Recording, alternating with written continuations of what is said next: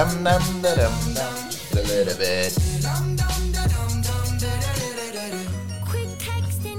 Så jävla skön låt alltså. Så den här... eh, Alltså, inte, man ska inte lyssna på texten och vara så här, åh, det är så här vi lever nu. Det är inte så, men själva viben, så, så känner jag att mitt liv är.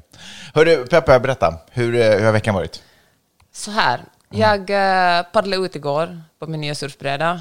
Och eh, Ja, Du har köpt en surfbräda. ja, jag, lite av misstag, jag trodde att jag lånade den. Men det visade sig att du, du lånade din egen Ja.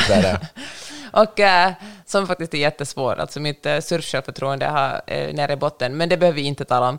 Men i alla fall, så satt vi där, det var en ganska... Det hade mojnat, det blåste inte så mycket, och så dök det upp en delfin. Och så dök det upp en, en sel.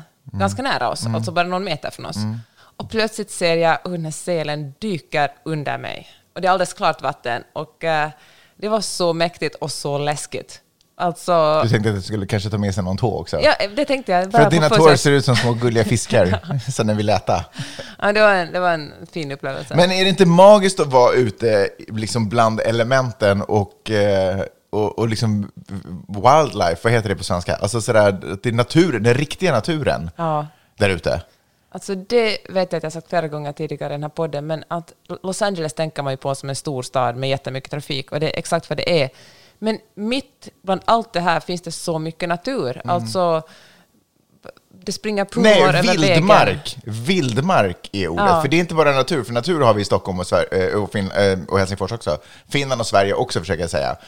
I form av parker och, och om, skogsområden Mm. som är, som är liksom, eh, orörda och, eller som man har dragit orienteringslängor igenom. Och, så. Och det finns citykaniner och Canada Yes och sånt. Absolut, men här är det som att det, det gick några människor eh, i vildmarken och så bestämde de så här, bygger vi en stad. Men vildmarken drog liksom aldrig. Den, den stannade bara utanför. Liksom. Det är som prärievargar på gården när vi är ute. De tar ju ett höns typ en gång i veckan. Ja. Och det är alltså mountain lions, det är delfiner och, och sjölejon och sälar och skunkar jag- och tvättbjörnar och allt bara lever här tillsammans med människan. Men din eh, strandupplevelse där, att vara ute i vattnet några meter ut och eh, sen helt plötsligt ha ett sjölejon där. I normala fall, det där tycker jag också är ganska intressant, för i normala fall om jag hade hoppat, jag hade inte, så här, om jag hade gått till poolen och det hade legat ett sjölejon där i så hade jag inte hoppat i. Det hade känts som en jättedum grej att göra. Men av någon anledning att sitta där ute på sin bräda i guppande vatten och ha ett sjölejon på samma avstånd, det känns Ja. som att det så ska det vara.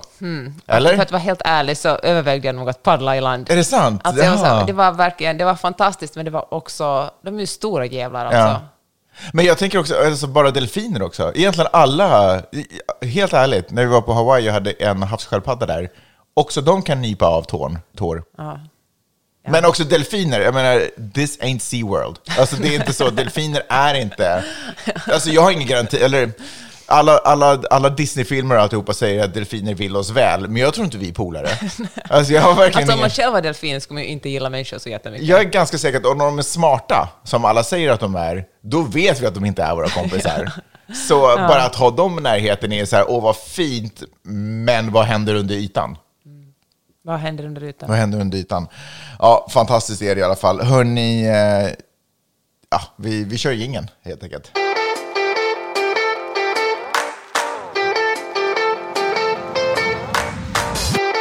Du lyssnar på Magnus och Peppes podcast.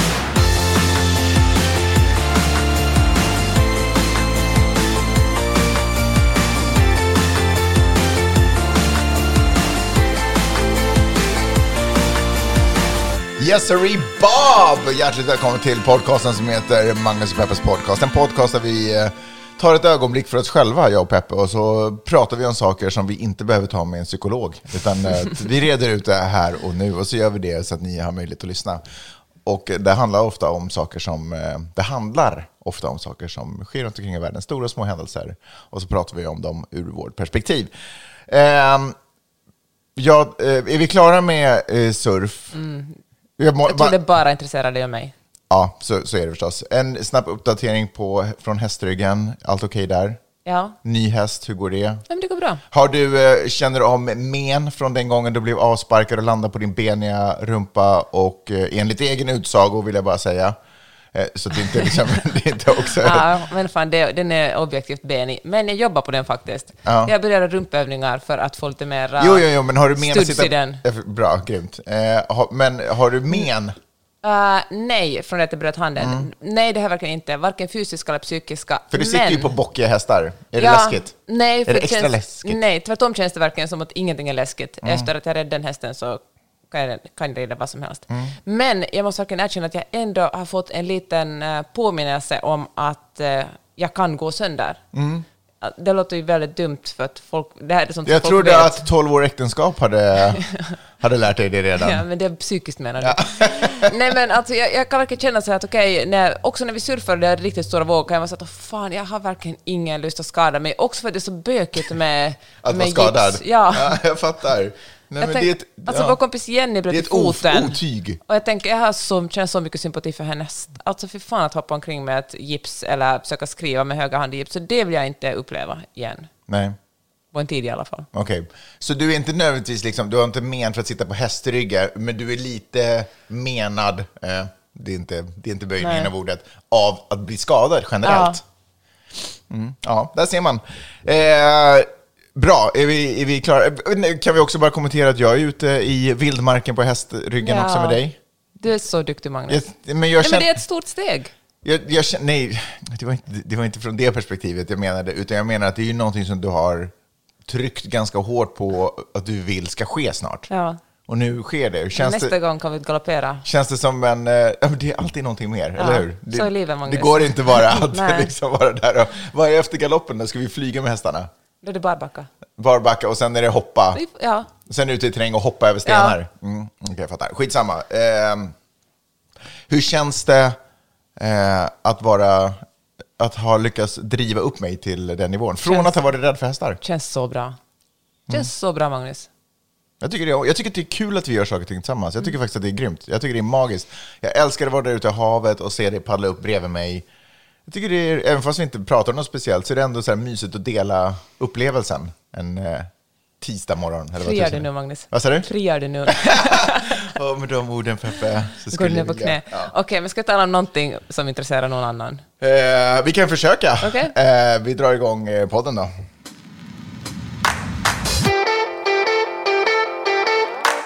Jag tänkte att vi skulle börja med någonting som jag inte tror att vi egentligen har pratat så hemskt mycket om.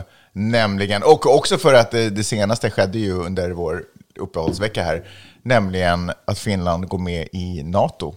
Och det här är ju på inget sätt en, vi kan komma till att Sverige också ska gå med i NATO. Jag tänker att det är många där ute som är väldigt intresserade av det också. Men, men framförallt Finlands eh, relation till NATO är ju den att Finland också delar en enormt lång gräns med Ryssland.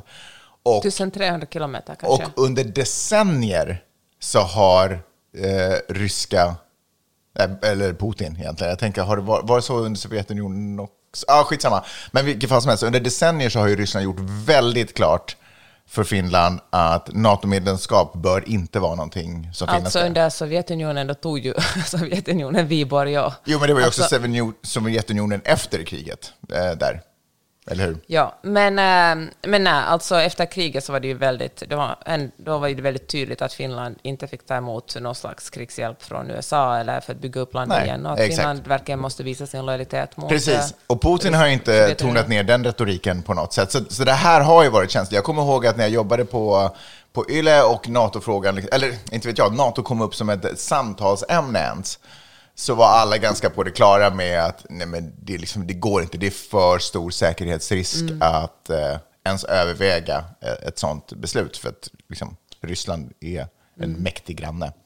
Men nu är vi där, plötsligt. Ehm, premiärministrar och presidenter har ju flörtat med Finland, alltså eh, som medlemmar i NATO har ju flörtat eh, med Finland, och förbundskansler också. Finland och Tyskland har ju ett gammalt samarbete. Jag ska bara. jag ska bara. Nej, men Boris Jeltsin var bland annat över och hälsade. Boris, nej men gud, herregud, nu är jag inne på Ryssland. Vad heter han? Johnson. Vad heter den andra BJ? Boris Johnson. Boris Johnson. Boris Jeltsin, det var ett gammalt klassiskt namn. Ehm, Den andra BJ'n. Boris Johnson har varit i Finland och, eh, och flörtat och Mm. pratat mycket. Och nu står vi här. Vad känner du som finländare? Var Boris Johnson, han var ju i Sverige, han har också varit i Finland. Jag tror att han också var i Finland. Ah, skitsamma, han var åtminstone i Norden och hälsade på. Ja. Skitsamma, vi står i alla fall där. Finnarna har bestämt sig för att NATO-ansökan ska gå in. Nu är det bara frågan hur snabbt det ska gå. Vad känner du som finländare? Jag känner, you go girl. Nej. Gud, du, du hade verkligen laddat för den där. Jag, Nej, men jag kom på den för ett, en sekund sedan och var så nöjd över det. jag såg det, för du- du fick ett flis på läpparna. men ja, fan, jag tycker såklart... Nej, men är det inte läskigt? Det är ju... alltså, Eller vadå, vad känner Men vadå, Ukraina är inte med i NATO. Och det är ganska läskigt för dem just nu. Mm. Så att, eh, jag tror verkligen inte att, så tänker jag, att, att vara neutral existerar inte. Alltså att, att välja bort NATO är ju också ett val. Men, så här, men vänta nu här. För det första, det här har väl inte varit din ståndpunkt innan Ryssland gick in i Ukraina? Nej, men det var ju en ganska stor eh, geopolitisk sak som förändrades när Ryssland visade en sån här aggression. Ännu någon vecka innan Ryssland gick in i Ukraina vet jag att Anna-Lena Laurén som är både DNs och Hufvudstadsbladets Rysslandskorrespondent, Mhm. som jag har otroligt stort förtroende för, hon var så att nej, det kommer aldrig att hända. Alltså, Men jag, jag har gud, bott i Ryssland i 20 år. Det här Jag kommer- också, som Ja. är Ja, Magnus du och Peppes det- podcast, eh, utrikes, eller Rysslandsexpert och utrikeskorrespondent, Mm, ja, sa ju också samma sak. Ja. Att det är helt omöjligt. Alltså, det finns, de visar bara muskler. Och då tänker jag att så här är det i livet och i utrikespolitik, att saker och ting förändras. Mm. Och då är man så tvungen, tvungen som människa och land att förändra sina positioner och se över beslut som man har fattat tidigare. Mm. Och eh, jag tror faktiskt att NATO kanske inte var ett alternativ för 10 år sedan eller 20 år sedan, men för Finland. Och kanske, kanske NATO skulle vara ett dåligt alternativ för Finland då. Men i den här situationen så är det det bästa alternativet.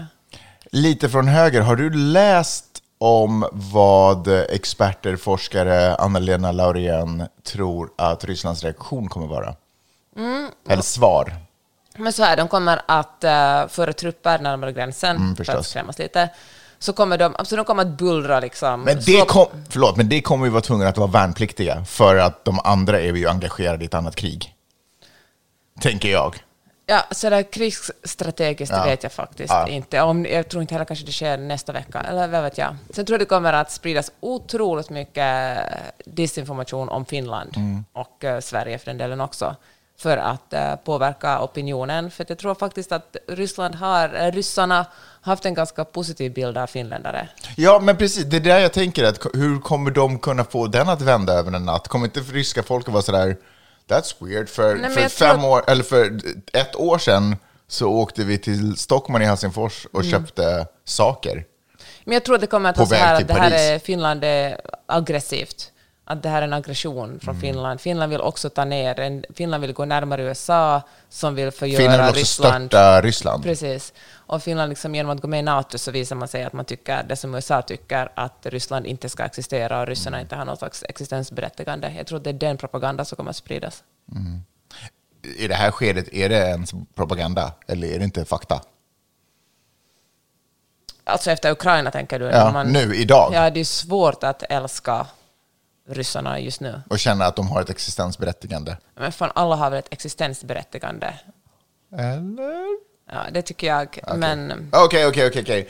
Ehm, Så det var lite så här, Finlands relation, bla, Finland var, med, var indraget i kriget förstås, Ryss, Sovjetunionen och allt det där, det har ni känt till och har ni inte gjort det så läs den historien. Sverige har ju en annan relation till NATO, därför att Sverige är traditionellt ett neutralt land. Alltså, alltså, ja, eller nej, benämnt kallar sig själv neutralt. Nej, förlåt. Sverige är ju traditionellt ett fegt land. Så, nej, men Sverige har bestämt sig för att ha som policy att stå utanför Ja. krig och konflikter ehm, i sekel. Jag, tänker vet inte när den ja. policyn gick igenom egentligen, men det är i alla fall en strategi och en policy som man har valt. Men nu så går man ifrån den Mm. eh, policyn. Det är ju också ganska stort. Eller det är ju sjukt stort egentligen. Mm. Frågan är om svenska folket förstår det. Jag tror absolut svenska folket förstår det och jag tror också att svenskarna är mycket mer skeptiska till NATO än finnarna. Finländarna. Tänk sa finnarna. Mm. Ja, sån är det. Men- Herregud. Men, eh, men så här tror jag folk, att... så eh, att svenskarna också kanske har känt att det har varit lite skönt att ha en buffert mellan sig Mm. och eh, Ryssland. Att det är väl lite, lite härligt att Finland har liksom haft den där långa gränsen och, och inte svenskarna. Och, eh, och det är därför som man har kunnat vara lite kaxig genom att, att säga att man är neutral. Mm. Jag har ju alltid förvånats över att, eller alltså så här, NATO är ju en stor provokation därför att den leds ganska långt av USA. Eh, som är på andra sidan jorden i förhållande till den här delen, den delen som... Alltså off officiellt leds ju inte NATO av USA. nej, nej, men okej, men, ja, men ni förstår vad jag menar. Det är ju ändå en... Ja, skitsamma. Jag tror... Kom typ inte ens NATO som ett initiativ av USA. Mm, det kan vara det. Oavsett, oavsett. Eh, så jag förstår att det kan uppfattas som en provokation, men däremot eh, har jag alltid funderat på varför det inte har funnits ett nordisk, en nordisk militär eh, union, eller vad man ska kalla det för. Som liksom Danmark, Finland, Sverige, Island, Norge. Men Norden gör ju jättemycket militärövningar Jo, att man gör militär, men att inte det är en officiell som har som syfte att försvara Norden. Mm. Liksom. Och, och sen tar man ställning till andra konflikter på jorden, men att det liksom, Mm. den har jag liksom aldrig riktigt förstått varför den inte skulle, varför Sverige har på något sätt ställt sig utanför. Men jag känner, okej, nu sitter jag verkligen här och tjejgissar, men det kanske också handlar om att eh, det kanske, ja, jag vet, ja, hmm, en egen... eh, Så du tänker att skulle Norge och Danmark vara med i både NATO och den nordiska Nej, jag tänkte att? Norge och Danmark skulle skita i NATO, så skulle vi Jaha. egentligen göra vår egen grej. Men jag tror inte Sverige vill det, för att då kommer man igen till... Alltså tidigare har kanske Sverige satt bromsen där och så vi kan göra samarbete, men vi vill inte gå in i någon slags eh, union som har med krig att göra. Mm. Ja, Sen har väl NATO inte alltså gått in i något land förutom Nej. efter 9-11. Alltså det är ju en krigsförsvars... Vad ska det, försvarsallians. Ja, försvarsallians, ja. Inte, men kanske man inte döper den allians till en krigsallians. Nej, det här, känns är, det här är äh, aggressionsalliansen. Vi jobbar med att- Vi kommer förklara krig så ofta vi kan och hinner. Nej, det är alltid försvarsallians. Eh, vilket fall som helst, Sverige, Sverige har inte skickat, det har inte Finland gjort heller i och för sig, men den är väl på väg, eh, på väg in när som helst. Jag undrar bara hur, vad Sverige kommer säga den dagen som, eh, för, eh, en del, som i USA till exempel så finns det ju en eh, professionell armé, så att säga. Det är ju ingen, det är inte, det är inte Nej. random 18-åringar som måste in i lumpen, som i Sverige, som där vår armé bygger på ganska mycket fri, inte frivilliga, förlåt, men värnpliktiga. Så jag bara undrar vad, vad Sverige egentligen kommer hamna sen när det kommer till, om, När kriget kommer. nej men sådär, förhoppningsvis inte, men om kriget kommer och helt plötsligt så skickar vi in, så är det 18-åringar som lämnar hemmet och drar dit och slåss. Men eh, ja, nu kan jag verkligen inte alla klausuler i NATO, men eh, det kanske ändå är ganska långt dit att svenska unga män ska skickas till, vad vet jag. Ja, man kan hoppas. Eh, sjukt spännande tider i alla fall. Och, och, och Mm. Historiska tider. skrämmande tider. Alltså jag tycker att det är... Visst är man lite trött också på att allt är så jävla historiskt hela tiden? ja, men det är, det är verkligen så. Men det är för att jag tror att vi når, vi har liksom håller på att nå kulmen av någonting. Det är, här, vi är där så här, kulmen av kapitalismens slut. Ja, jag allt tror att håller det- på att implodera. jag tror att kapitalismen ändå har skapat en... Alltså det fungerar ungefär som en tryckkokare. Att det är på något sätt någonting bra eller dåligt. Jag tror att det här spelar ingen roll vad det är. Att även fast det skulle vara buddhism så, var det, så skulle det på något sätt också nå någon form av tryckkokare till slut. Därför att det finns... Man kan inte, man kan inte likrikta människor. Alla passar inte in där. Eh, Rysslands reaktion känns ju som att, eh, alltså på svenskt medlemskap, jag vet inte riktigt, de säger sådär, det kommer få grava konsekvenser.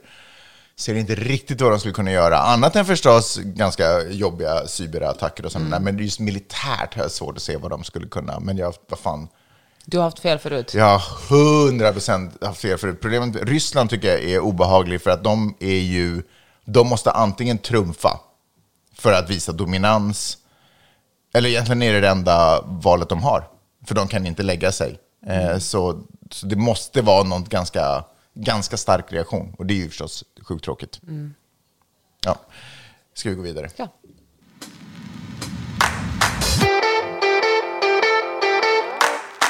Jag har tänkt mycket på Kim Kardashian. Jag också. Har du? Frågan är om vi har tänkt på samma. Vad har du tänkt på? Nej.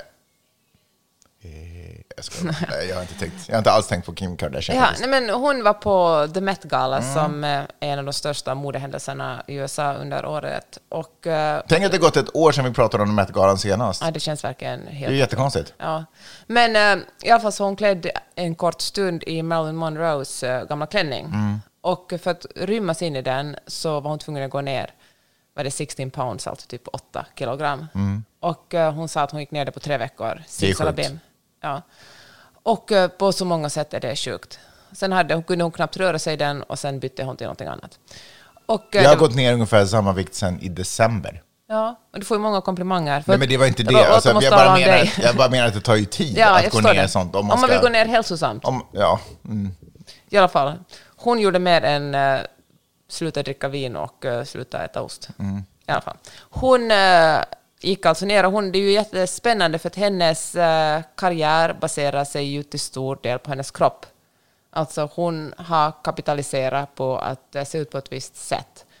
Och uh, det är på något sätt väldigt deppigt. Nu kan man ju säga sådär att det här är girl boss och hon gör vad hon vill och hon är feminist för att hon tjänar jättemycket pengar och hon är en superrolig person. Och hon är säkert allt det här. Men, Men det ju- det finns något otroligt skevt i att... Så du chef eller cheft? skevt. I att eh, ha en karriär som baserar sig på ens kropp och sen öppet tala om att hon har gått ner så många kilo för att komma in i en klänning för att vara snygg på en fest. Och eh, det här går ju som hand i hand med att vi börjar röra oss bort från stora rövar. Just nu är jag på väg mot en puffig röv. En, en, en gigantisk röv är du på väg mot, måste man säga. så, så börjar vi röra oss mot någon sån här, det här eh, början av 2000-talet, trenden där man skulle se ut som om man missbrukar droger på ett sexigt sätt. Alltså bara otroligt smal. Heroin chic. Och eh, ja, men vi tänker Hate Moss, Kate Moss, Oj, Kate är det din nya hashtag? Nej, som jag för övrigt tycker är jättesnygg, men alltså jätte, jättesmal. Och mot en sån, ett sånt mode. Och det är så sinnessjukt att, jag tänker, jag tänker inte ens måste säga det högt, men jag säger det, att det finns mode, alltså det går trender i kroppen. Fast vänta nu, alltså Kim K har ju inte dragit det så Alltså hon är ju inte formlös. Nej, men det här är ett steg. Det att hon tagit bort sin, hon säger att hon bara har tränat bort det, men att hon inte har liksom tagit bort sin Brazilian butt lift till exempel. Hon hade ju en, eh, alltså det var ju hon som gjorde den här timglas, extrema timglasformen trendig.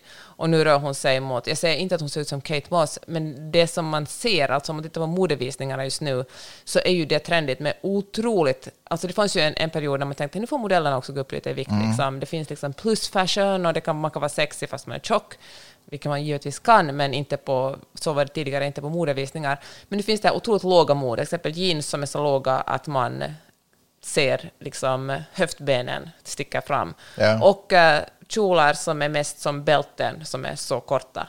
Och, eh, och då ser man lår som är så smala, det är liksom typ är benpipor. Fast jag förstår inte, för det här är ju inte, nu pratar du nu har du ju lämnat Kim K. Nej, men jag säger det här att hon... Hon håller inte på att driva mot ett sånt mode tror jag. Eller? Hon har så otroligt många följare Mm. och så många otroligt många unga kvinnor som ser upp till henne, att hon talar öppet om att banta och att som det är världens mest naturliga grej att gå ner åtta kilo på tre veckor för att få vara snygg på en fest.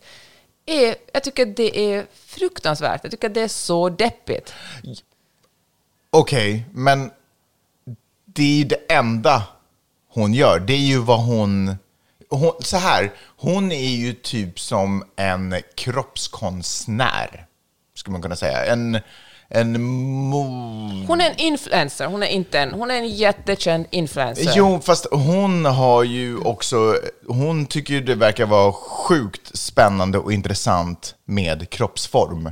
Hon tycker att... Säk, nej. Och- och hon hur, har- hur spännande och kul är det att gå ner åtta kilo på tre veckor? Det, men... Någon, Nej, alltså hon tjänar ju sinnessjuka mängder pengar Ja, men det kan man väl ändå göra, gör. för, att- men om man håller pengarna borta från det så verkar det ju vara det som, jag tror att det är... Ja, det är konst för henne. Jag menar, hon, inte... så här, lyssna. Hon kommer ju från en familj och från en situation som om hon hade bestämt sig för att vara kock så hade hon varit en av de kändaste kockarna på jorden just nu. Mycket möjligt. Så jag bara menar, det här är ju också vad som intresserar henne. Det här är ju inte någonting hon har valt för att det är det mest Ska lukrativa hon kunde komma på. hon inte varit ihop med Kanye West skulle hon inte vara modeikon. Då skulle hon ha varit en väldigt framgångsrik eh, vad heter det, dokusåpastjärna. Nej, skojar Det du var ju han eller? som gjorde hela hennes, säger man vill om, om Kanye West, men det var ju han som gjorde henne, tvingade henne med, tvingade liksom så här eh, etablerade modeshower att ta med henne, låta henne sitta på front row, och det var han som klädde henne, slängde bort alla hennes kläder, jag gav en ny garderob åt henne. Och nu sitter, det finns mycket Okej, som jag men- inte kan försvara med Kanye West, men att hon är en modeikon är till stor del tack vare honom. Okej,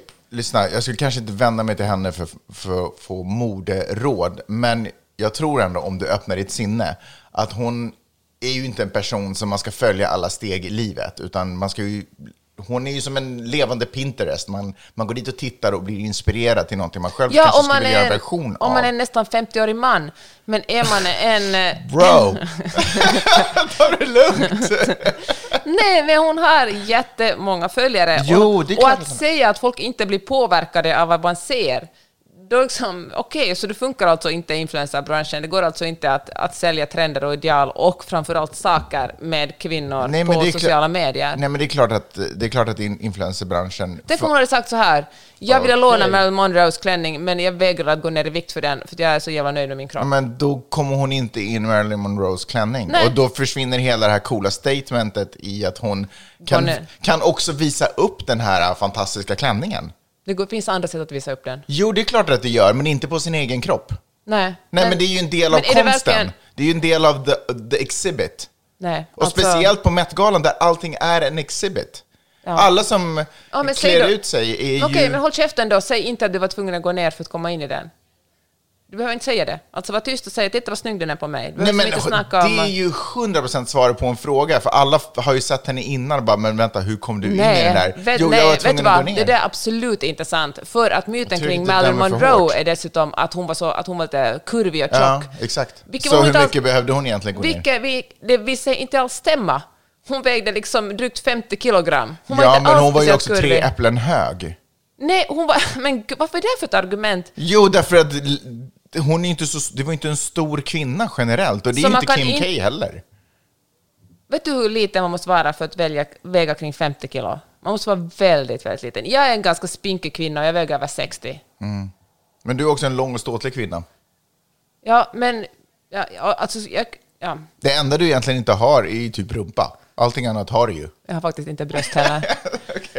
Men... eh, Nej, men eh, det jag säger är Det är väldigt att... eh, konstiga inslag i den här äh, diskussionen. Vi av kroppsshaming. kropp. Ja, men... eh, Ja, tack för den. Max. Nej, men jag säger bara att har man så där mycket makt, Ja. vare sig man är Elon Musk, Kim Kardashian eller någon annan influencer, så är man tvungen att ta det ansvaret.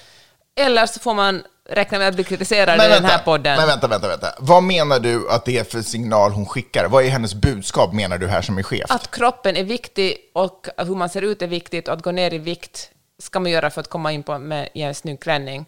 Och det som jag ville dra, ja, och jag ville dra en parallell till att mode just nu går och trenderna, om man tittar liksom på catwalks, är att vi ska vara extremt smala. Jag ser inte att Kim Kardashian någonsin kan bli exakt så smal, men att hon tar bort sin stora röv och liksom går ner åtta kilo i vikt är ju ett tecken på, hon om någon har ju koll på trender och det är en blinkning mot det som vi ser på liksom på, i Paris och New York och de här stora modevisningarna, att vi ska bli extremt smala igen. Och det är ju helt, alltså allt annat mode går ju liksom mot eh, tidigt 2000-tal. Varför skulle inte kroppen göra det då? Och det är så Ja, extremt alltså- kvinnofientligt. Det är liksom så kvinnofientligt. Att man ska sitta och fundera på hur ens kropp ser ut eller vara tvungen att försvara sin röv i en podd.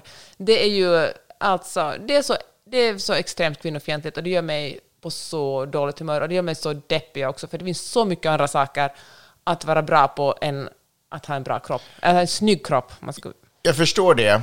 Och jag förstår också den negativa effekten det har på unga, män- framförallt unga kvinnor som kanske fortfarande letar efter vilka de är som människor. Och hur jag tror de, att det finns jättemånga medelålders kvinnor som också bantar. och medelålders kvinnor, men de är säkert ett arv av sitt yngre jag också. Eh, och som försöker hitta sin roll i samhället, att bli accepterade. Och det är, säkert inte, eller det är givetvis inte lätt i ett samhälle som inte heller ger uppskattning åt några andra håll än just när man gör sådana drag och så.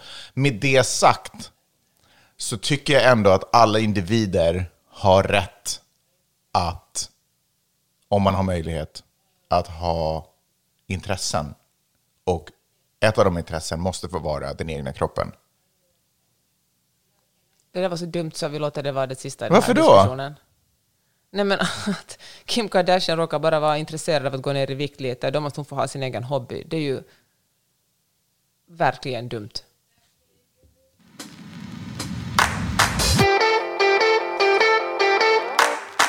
Okej, ska vi tala om eh, en form av eh, skadeglädje som jag känner just nu?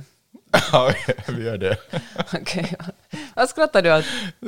Alltså, Ja, you're so destroyed. Okej. eh, men jag fattar inte, varför får Kim alltid så otroligt mycket skit? Varför, va, men, men sen när det kommer till... Eh, vad fan heter den där artisten som är 50 som alla bara Oh my god, hennes kropp, hon är magisk, hur kan hon vara Jennifer, jo Jennifer Lopez? Då är det liksom så här, åh oh, gud vad hon, vilken förebild, tänk om jag kunde få vara så här, jag vill ha hennes bild på min telefon så jag kan bara inspirera varenda morgon när jag kliver upp. Men när det är Kim, då är det så här, ew, extrema former, extremt liten, extremt stor, extremt liten. Alltså, det är För- bara en annan sorts kropp. För att Kim Kardashian influerar, det är hennes jobb att vara en influencer. Jag kan inte försvara att folk kommenterar J Los kropp. Jag vet faktiskt, alltså, ja, man kan säga att någon är snygg, men att säga att någon har en, alltså att influera med sin kropp, alltså att se ut, vad fan, nu kör vi igen den här diskussionen. Ja, Okej, vi går vidare. Vad ville du prata om då? Jag vill tala Jävla om- s- surtant. Jag bär den titeln med stolthet.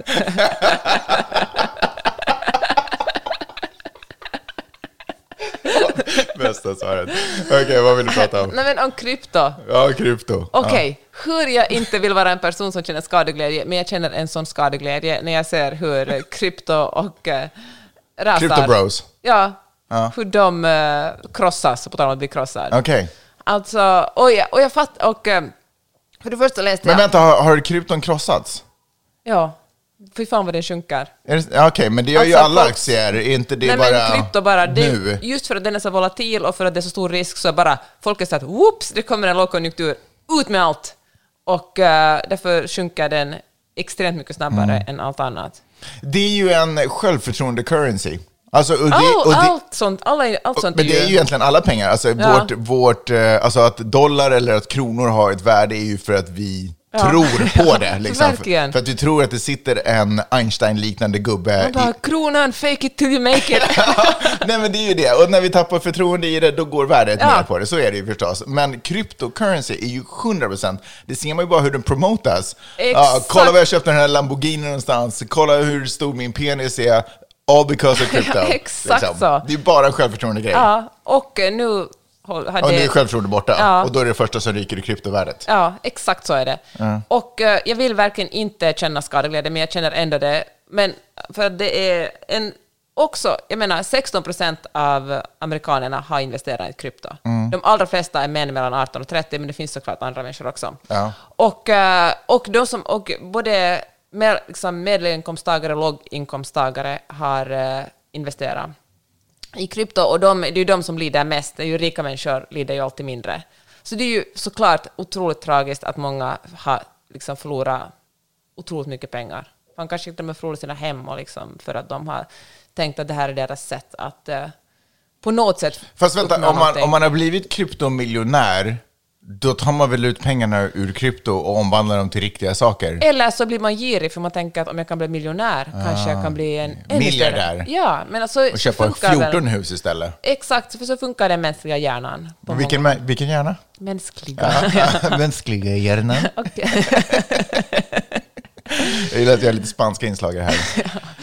Och, eh, Men du känner bara skadeglädje, du känner inte så här, fan vad synd för krypto, tänk, det hade ändå potential att vara ett eh, demokratiserande ekonomiskt sätt där, som inte sätter makten till Einstein-liknande farbröder i banklokaler. Det är just det. Alltså bankerna är ju inte the good guys heller. Nej. Men eh, jag känner verkligen ingen kärlek för banker. Men krypto var ju ännu ondskefullare. Alltså jag kan förstå att det finns någon sorts bra tanke bakom blockchain och blockchain går ju att användas i mycket annat än med Mm. pengar. Det går ju att användas... Jag skrev en text om hur man kan kolla till exempel folks CV. Folk ljuger tydligen extremt mycket på sina CV. Va? Ja. Gud, blo- såklart. Vad de har pluggat, vad de har jobbat med. Tydligen kan Men jag tror folk ljuger generellt, jag tror Ja. inte det bara på CV, jag tror att det bara, där hamnar det i tryckt form. Ja, men, ja. liksom, Men, eh, men, jag, men fan, nu tappar du bort mig hela tiden. Oj. Men så här, det var en koreansk undersökning, den här finns i mitt nyhetsbrev som jag verkligen kan rekommendera att ni prenumererar på, Mm. som jag länkar till, som visar att folk som har investerat i krypto är generellt mer osympatiska. De är mer hämndlystna, de är mer opportunistiska än vanliga investerare på Wall Street, som Mm. kanske inte är världens, om man fördomsfullt ser på dem, inte verkar vara världens mest sympatiska personer. Men eh, så det därför känner jag en viss skadeglädje. Också för att det var så jävla hetsigt kring att, som du sa, så reklamerna kring krypto har varit så otroligt eh, hetsiga. Ja, men det måste jag verkligen säga. Alltså, till skillnad från aktier och många sådana andra sätt att investera sina hårt förvärvade slantar i, så är ju de flesta som rekommenderar krypto inte så hemskt sympatiska. Alltså jag tror Nej. att jag har stött på en som har varit ganska sympatisk.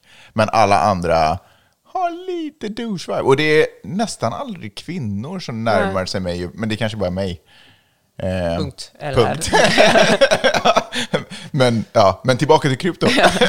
Nej, men eh, alltså, det kan jag nog verkligen hålla med om. Eller det kan, jag, kan, jag kan känna en. Sen Ja. så kanske jag tvivlar på, jag tvekar lite inför tyngden i den här undersökningen. Alltså, Ja, men du kan det gå in och kolla, det var verkligen ett universitet som hade publicerat den. Ja, men, ha, finns det liksom inte också cancerfrågor man borde fokusera på att lösa? Måste man verkligen... Vad är det för jävla whataboutism? men måste man inte liksom? un, alltså, undersöka, är de som eh, finns promotar folk som- krypto trevliga eller inte? Vad Det det, finns fucking- också folk som forskar i cancerfrågor, Magnus. Det betyder inte att vi måste lägga Men du ner alla förstår andra. vad jag menar. Ja. Okej, men nu tar jag mig ett steg vidare från det här, för det är Mm. väl inte bara det. Jag vill inte bara håna folk som investerar i krypto. Jag ville också prata om vad som händer nu. För att i en drömvärld, då ska alla de här människorna vara så att jaha, jag fattar att det här är eh, snabba risker, och, eller stora risker och liksom snabba klipp och eh, det här så här extremkapitalism, det kanske inte funkar. Kanske vi istället ska bli socialister och, eller, och liksom, eller leva socialdemokratiskt och skapa ett välfärdssamhälle. Jag är väldigt glad att vi redan har fått våra green cards. Om vi skulle ha det här samtalet i, under en ansökningsprocess och någon från myndigheterna, någon från myndigheterna snappade upp ordet socialism från vår podd så skulle det inte låta bra. Och, eh, men då tänker jag så här, de, det kommer ju inte de här männen att, de kommer inte vara så att okej, nu börjar vi jobba för mer jämlikhet, mer, eh, Nej. alltså en bättre värld. Utan de kommer att bli otroligt arga och bittra på samhället. Så Och- du måste starta upp någon form av ättestupa också. Ja, men, nej, men, alltså, de kommer ju att skapa, eller gå tillbaka till sina YouTube-kanaler och skylla på invandringen, på kvinnor, på eh, liksom allt som, all, folk som, ändå, som de tycker är lite mindre värda än de Förstås. här. Och, eh, och jag tänker också på det, vi kollar ju på den här um, Louis Theroux-dokumentären som handlar om, han, en tredjedel dokumentärserie där han åker omkring i USA och pratar. I ett avsnitt talar han om, om med, eh, med högerextrema unga män som är gamers och har sina YouTube-kanaler. och som- Incels. ja, som är incel, som verkligen hatar kvinnor och judar och eh, svarta och bruna människor och alla som inte är Men män. egentligen, Peppe, hatar de sig själva. Ja. Men det är bara, det tar sig så våldsamt uttryck, deras Mm. självhat. Och då tänker jag att de här eh, krypto-bros som nu är ruinerade, de kommer ju liksom inte att skylla på någonting annat än, de kommer inte att engagera sig politiskt annat än då på sina YouTube-kanaler och liksom America First och kanske Ron DeSantis eller Donald Trump. Så andra sidan, krypto går väl upp snart igen. Nu kanske är en bra tid att köpa krypto, eller? Om det är lågt. Ja, men det försöker Crypto Bros säga Ja. nu, köp, köp. Men fan, om man ska... Ja. Tror du att den är död, cryptocurrencyn, från och med nu? Jag tror att vi kommer att gå in i en lågkonjunktur och då kommer folk bara att safea. Jag tror liksom inte att folk kommer att ta risker och därför kommer inte krypto heller att gå upp för att eh, det är en väldigt risk, alltså det finns mycket risk i det och man känner att vi har inte råd med det just nu. Så jag tror att folk kommer typ köpa guld istället. Ja. Då ligger ju, då ligger ju bra till, om vi säger så.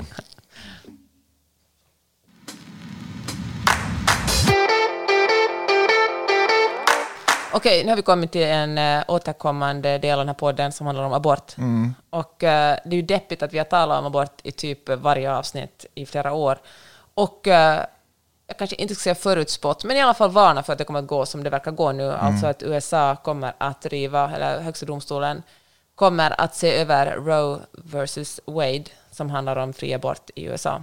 Och eh, många delstater har redan börjat stifta lagar. Flera av dem har haft, många delstater har haft färdiga lagar från före den Gud, här... de kunde verkligen inte vänta. De, var sådär, de har verkligen velat ha den här uh, Ja. upprivningen. Verkligen, de har, liksom, de har exakt, de har verkligen suttit och väntat på den och så fort högsta domstolen säger, högsta domstolen säger att det här gäller inte, vi kommer att stifta, en ny förklaring på, på grundlagen, Mm. då kommer de här lagarna att träda i kraft. Och då tänker man kanske som eh, svensk eller finsk eller någon annan europé men det har verkligen ingenting med mig att göra. Att det är förbjudet att göra abort i vissa delstater.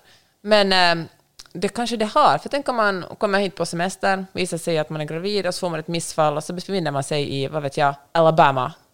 Och eh, så går det inte att, att få någon att hjälpa att skrapa ut det som är kvar. Va? Det får man väl hjälp med? Nej. Nej. Det har väl ingenting med liv Ja. att göra? Nej, det får man inte hjälp med. Nähä. Alltså, eller så, eller, får, alltså, eller så händer någonting annat alltså, medan man kommer hit som gravid. Eller mm, det är ju det finns liksom, det här kan ha långtgående konsekvenser, även om man inte känner någon empati med amerikanska kvinnor. Men det jag också tycker att man kan eh, se är ju att eh, om en eh, ståndpunkt eller en, en åsikt eller vad en, en, sådär, eh, får grogrund och får understöd så kan andra länder och andra människor som argumenterar för samma sak använda sig av det i argumentation för. Det är ju nu kommer jag inte på något exempel, men det är ju många saker. Det behöver inte bara vara dåliga grejer också man kan använda. Kolla hur bra det går för det här skolsystemet där. Låt oss mm. jobba för att anpassa Precis. vårt efter till exempel finska skolsystemet. Det är ju en klassiker. Eh, så att, att, att det får sånt, eh, att det blir en sån vändning här kan ju mycket väl användas. Alltså håll ögonen och öronen öppna, skulle jag våga säga, för den första riksdagsledamot som lyfter upp en sån fråga om abort. Om abort. Och jag tänker att Ebba Busch Thors är kanske en av de som vi ska hålla ett extra öra på. Hon var väl inne och nosade på det den tidigare? Nej, men jag tänker att man börjar med att nosa, man testar lite grogrund, mm. ser hur mycket konservativa krafter man får med sig. Fin eh, allting sker ju inte över en natt heller. Man finpolerar lite argumentationer runt det, mm. hur man ska lägga fram det. Man kanske börjar sluta använda ordet abort och istället börjar man prata just om liv mm. eh, och, och, lite sådär. Och det är klart att ingen vill ju att någon ska dö och det är väl kanske inte rätt för mig att bestämma över någon annans mm. liv. Det är ju den personens liv potentiellt i framtiden. Och det sjuka är ju det att när det handlar om abort så handlar det om kvinnors liv. Ja. Det handlar om att eh, alltså, det handlar om att säkra, möjligheten till säkra aborter försvinner. Folk kommer fortfarande att göra abort.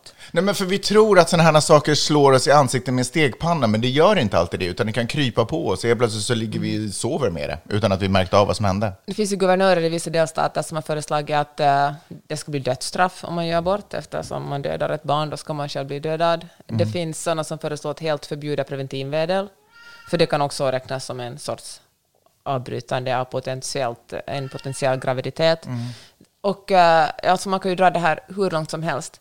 Sen läste jag en tweet som någon skrev som jag inte ens tänkt på, att uh, om det blir uh, brottsligt att uh, göra abort, och i många delstater är det förbjudet att rösta om man har begått ett brott, det betyder att det är en massa röster som försvinner också, alltså kvinnor som förlorar sin möjlighet att delta i ett demokratiskt samhälle. Mm. Det finns jättemånga konsekvenser i det här. Och då tänker man sådär, men vadå, det finns fortfarande demokratiska delstater som där tar bort är tillåtet. Men just nu finns det ett de delstater som kommer förbjuda abort med största sannolikhet är ju ofta ett, är det ett kluster av delstater, alltså, mm. som ligger i södern. Och om, och man, är en, om man är en kvinna som, som bor i typ Mississippi så kanske man måste åka genom två delstater för att uh, få en abort. Mm. Och vem har råd att betala tusentals dollar för att åka, vara borta från jobbet, vara borta från sina barn, man kanske inte ens har möjlighet att ha någon, man kanske bor långt ifrån sina föräldrar. Alltså, det är helt enkelt för dyrt att göra det, så det blir praktiskt omöjligt. Så det här vet jag att jag sagt jättemånga gånger tidigare, men det här drabbar ju såklart de som har det ekonomiskt sämst, de mest utsatta kvinnorna. Mm. Alltså rika, rika människor kommer alltid att klara sig. Det här, det här är ju, det har ju pågått länge, det här, liksom, den konservativas kamp att få tillbaka men på något sätt, förlåt jag avbryter ja. det, vill säga, men det här är som Ukraina, man var så att Ryssland kommer aldrig att gå in i Ukraina. Nej. Man känt sådär, men alltså Roe versus Wade, det kommer ju aldrig att, eh, det kommer väl inte, så långt kan väl inte de gå i Högsta domstolen, driva den. Det är ju, alltså jag, jag, kan inte säga någonting annat än att det är ju en sjukt mörk tid. Huvudsakligen för kvinnor, men det drabbar, alltså, det drabbar ju alla, såklart, 100 procent. Eh, en eh, opiniontext i eh, New York Times lyfte ändå upp en eh, tanke om att det här ändå också skulle kunna vara, att det också skulle kunna skada det republikanska mm. partiet. För det första så är ju inte alla, alla republikaner extremt konservativa Nej, eller, eller ens står för den här... Nej. Står för den här eh, alltså, en majoritet av amerikanerna vill väl fortfarande det finns också abort? Ja, det finns republikaner, både män och kvinnor, som är feminister till exempel. Mm. och sådär. Så det är ju inte, det är inte där skiljelinjen går. Och det kan, de menar ändå att det kan vara, eller den här personen menar ändå att det skulle kunna vara skadligt ändå för republikanska partiet att splittra det det har jag också hört, om Demokraterna verkligen trycker på det här ordentligt nu och använder det. Men fan, För att Demokraterna är så dåliga på kommunikation. Nu också till, bara på kort sikt i det kommande, de kommande valen, för där var det ju tänkt att de frågorna skulle handla om hur dålig Biden har varit. Eh, och liksom ekonomin och gas, eh, gas prices, alltså bensinpriser och allt sånt. Men i och med den här uh, abortgrejen så är ju den nu ganska högt upp mm. på tapeten. Och jag undrar om republikanerna egentligen vill syna den inför alla sina eh, eh, väljare. Nej, precis. Så det kan vara, men jag menar, då är det ändå ett faktum. Men om å andra sidan massa delstater plötsligt blir demokratiskt styrda så finns det ju möjlighet att påverka åtminstone de lagarna i de delstaterna. Ja, Och sen så menar de också att en eh, generation av kvinnor växer ju också upp som är upp, födda och uppvuxna i ett modernt samhälle med moderna värderingar. Och kanske inte alls intresserade av, och det handlar inte, alltså nu som det är idag, så drabbar ju huvudsakligen den här nya lagen minoriteter förstås, och utsatta människor förstås mycket svårare, för att eh, rika har möjlighet att ta sig till andra platser på ett helt annat sätt. Men eh, på längre sikt så är det också en yngre generation av medelklass kvinnor och unga män som växer upp som, är, som inte kanske känner igen det här i sin, i sin egen livssyn eller världssyn. Som också kan drabba republikanerna. Så jag tänker på lång sikt så tänker jag att det ändå finns någon form av hopp. Det här är ju resultatet av en enorm kraftansträngning som har pågått i flera, ett par decennier åtminstone.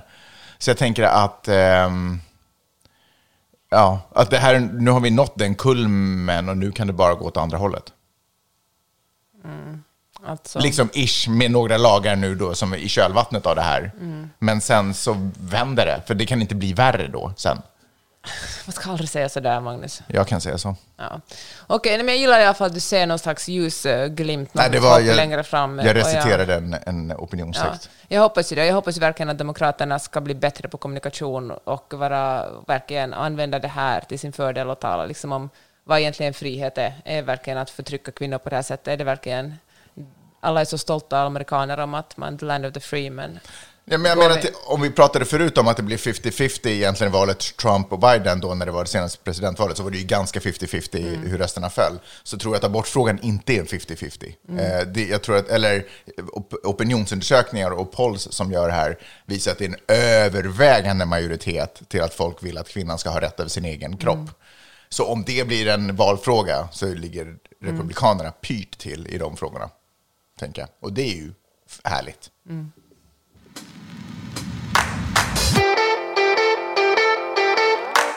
Men hörni, frihet, det är som med allting. Det är ingenting som kommer gratis som bara ligger och puttrar som vi kan gå och plocka som svamp i skogen, utan det är någonting som man måste jaga och kämpa för och slåss för. Och därför tycker jag att det är så jäkla bra, fast det är fruktansvärt läskigt och vidrigt att eh, Sverige går med i NATO, om nu Sverige går med i NATO, och eh, Finland går med i NATO. För att frihet är någonting som eh, kostar och det gör ont. Men eh, man gör det inte för sig själv, man gör det för eh, de som kommer efter och man gör det för den stora gruppen. Och så är det ibland. Man blöder för andra. Gudarna ska veta att jag blöder för mina barn. Okej, inte än, men jag skulle kunna göra det. Tekniskt sett. Okej, det, var, det var bra sagt, Magnus. Tack. Hör du, eh, är det dags att runda av den här podden då? Tack så hemskt mycket för att ni har lyssnat. Kom ihåg att prenumerera på mitt nyhetsbrev. Jag kan verkligen rekommendera det. Jag brukar säga det och, och det är inte ens lögn. Jag använder det när jag inte riktigt vet vad jag ska prata om i podden. Då går jag in på Peppes, eh, Peppes nyhetsbrev. Ett fant- alltså, sj- sjukt bra, välskrivet. Eh, och jag, kan, jag litar på dig. Jag vet att du är en, en smart och klok kvinna. Så jag litar på innehållet, så jag behöver inte fundera på vem är det som egentligen har skrivit det här, gå till någon form av eh, källa och försöka bena ut vad den organisationen egentligen står för. Jag vet att du har koll på den där skiten. Du ägnar många timmar åt det. Så uh, peppe.substack.com Ja, så enkelt är det. och där går man in. Det kostar också en liten slant. Det kostar fem dollar i månaden och med den här inflationen är det verkligen jättelite pengar. Ja, och precis som man, måste kämpa för frihet och sådana saker, frihet och sådana saker så är det så att eh, saker och ting kostar. Eh, och är det så att du inte betalar för någonting, då är det du som betalar med dig själv. Då är det du som är produkten. Så var inte produkten. Betala för Peppes eh, nyhetsbrev. Gå in och prenumerera. peppe.substack.com eh, och få din hjärna att växa några. Och så kan du imponera på dina kompisar med skit du vet. Så de bara wow, shit, vad har du lärt dig? Så säger du inte ens att det var Peppes nyhetsbrev du läste i. Eller så rekommenderar du dem också. Så blir vi alla kloka och upplysta. Tack för att ni har lyssnat på oss den här veckan och vi hörs snart igen. Det gör vi. Puss på er. Hej!